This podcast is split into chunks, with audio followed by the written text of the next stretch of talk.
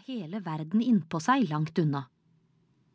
Det gestikuleres, formanes, prutes, synges og bes på alle tungemål, og vil du ha bønnen skriftlig, er det bare å rusle bort til paternosterkirken ved Getsemane havet, rett utenfor bymuren, hvor Fader vår er risset inn som kalligrafi i veggen på 63 språk, inkludert voluf og islandsk.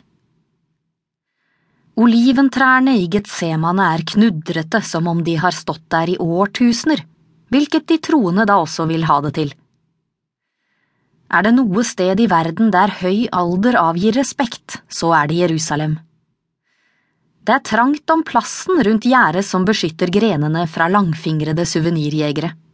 Noen turister forsøker å se for seg apostlenes utstrakte legemer der de sovnet under Jesus' siste våkenatt, mens andre retter blitsen mot trebarkens dype rynker.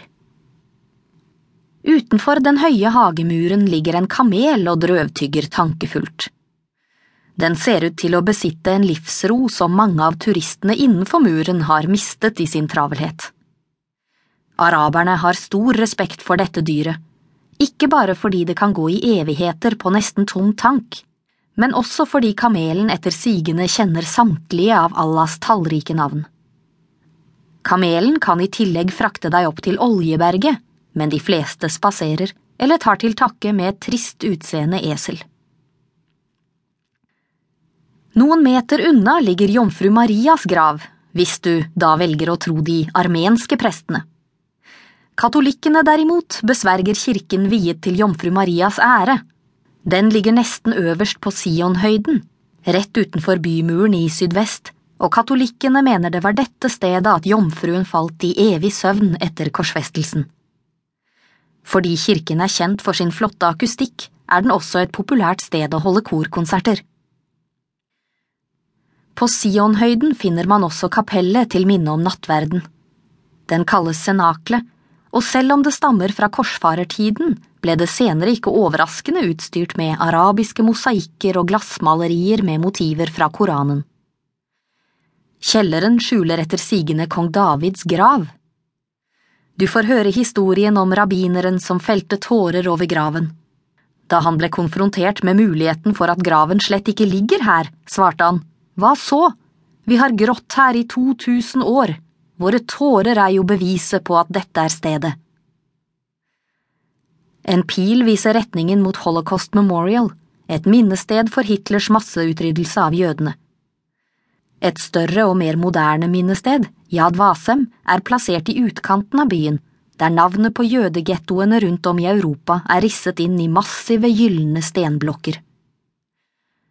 Det som gjør sterkest inntrykk her ute, er The Children's Memorial, en nattsvart sal der et sinnrikt speilsystem illuderer en uendelig himmel av stjerner, én for hvert døde barn.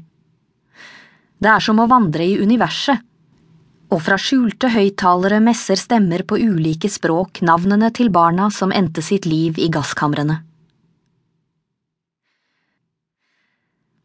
Det er jo ingen tvil om at det opp gjennom århundrene har vært mye for jøder å gråte for, fortvile og klage over. På avstand avgir ikke klagemuren noe inntrykk av ærefrykt og høytidelighet. Den kunne vært en hvilken som helst ruin, og de sort og hvitkledde figurene ved murens fot minner om pingviner med flosshatt og krøller. Men på nært hold blir alt annerledes. Det hviskes og mumles intenst. Et hundretalls mennesker er i inderlig monolog med stenene i muren. Noen står presset inn til veggen, andre vugger, neier, svaier og bøyer. Sjåkelen kalles det, mens de fremsier sine bønner og sitater fra Den hellige skrift. De frommeste rygger bort fra klagemuren, med ansiktet vendt mot veggen. Det er så vidt de ikke kolliderer med de nyankomne. Et scenebilde som ikke er uten et skjær av komedie for de uinnvidde var det ikke for at budskapet er dødsens alvorlig. En mann kommer bort med neven full av ark som legges inn i en sprekk i veggen. Kanskje er dette en telefaks som han i forveien har sendt til Jerusalems telefonselskap, ettersom de har opprettet et eget nummer der utenbysjøder kan formidle sine bønner, en hotline til de høyere makter. Haredimene, de gudfryktige, bukker og bukker mens de maner